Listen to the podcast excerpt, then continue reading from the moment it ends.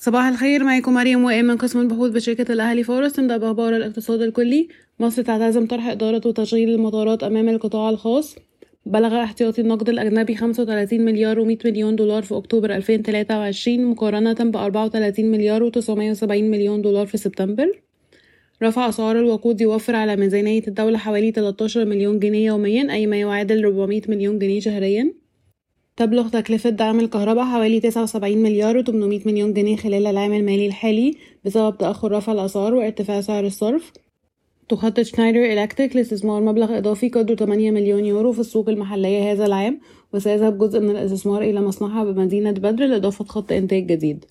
ننتقل لأخبار القطاعات والشركات. أوضح رئيس مجلس التصدير للصناعات الكيماوية والأسمدة أن شركات الأسمدة المحلية تعمل الآن بجانب طاقتها بعد عودة إمدادات الغاز الطبيعي إلى مسارها الطبيعي.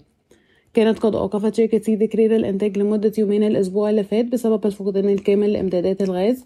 تعمل الشركة حاليا بقدرة جزئية بعد استئناف إمدادات الغاز بنسبة 50% من طاقتها الطبيعية. تواصل السعودية وروسيا الحد الأقصى الطوعي لإمدادات النفط بمقدار مليون برميل يوميا حتى نهاية العام. وافقت موبكو في جمعياتها العمومية الأخيرة على اندماج شركة ENPC المملوكة لها بنسبة 99.9% بحسب القيمة الدفترية للشركتين في 31 12 2022 يبلغ رأس المال المرخص به بعد الاندماج 50 مليار جنيه ورأس المال المصدر 21 مليار جنيه. أصدرت شركة إيديتا النتائج المالية للربع الثالث من عام 2023 سجل صافي الربح 466 مليون جنيه بزيادة 55% على أساس سنوي و12.5% تقريبا على أساس ربع سنوي. سجل صافي الربح خلال أول تسع شهور من عام 2023 مليار 278 مليون جنيه بزيادة 89% على أساس سنوي. يتم تداول السهم حاليا عند مضاعف ربحية العام 2024 9.1 مرة و EV to EBITDA 6.6 مرة. بدأت شركة السويدي للتنمية الصناعية إحدى الشركات التابعة لشركة السويدي إلكتريك المرحلة الأولى من إنشاء خمس مصانع في تنزانيا. أصدرت شركة الإسكندرية للأدوية المؤشرات المالية للربع الأول من عام 23-24 بلغ صافي ربح 59 مليون جنيه بزيادة 71% على أساس سنوي و250% على أساس ربع سنوي. يتم تداول السهم حاليا عند مضاعف ربحية العام 23-24 6.5 مرة و EV to EBITDA 3.1 مرة. تخطط شركة برايم للاستثمارات لإطلاق ثلاث صناديق استثمارية العام المقبل الأول في قطاع السياحة والثاني للذهب والأخير لرأس المال الاستثماري.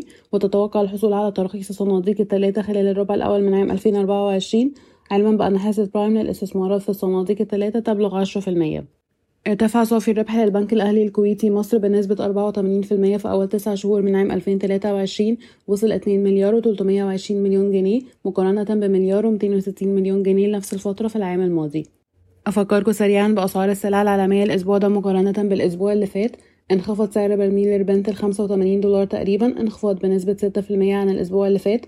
الفرق ما بين الديزل وال heavy fuel oil ارتفع بنسبة 11% وصل 463 دولار للطن.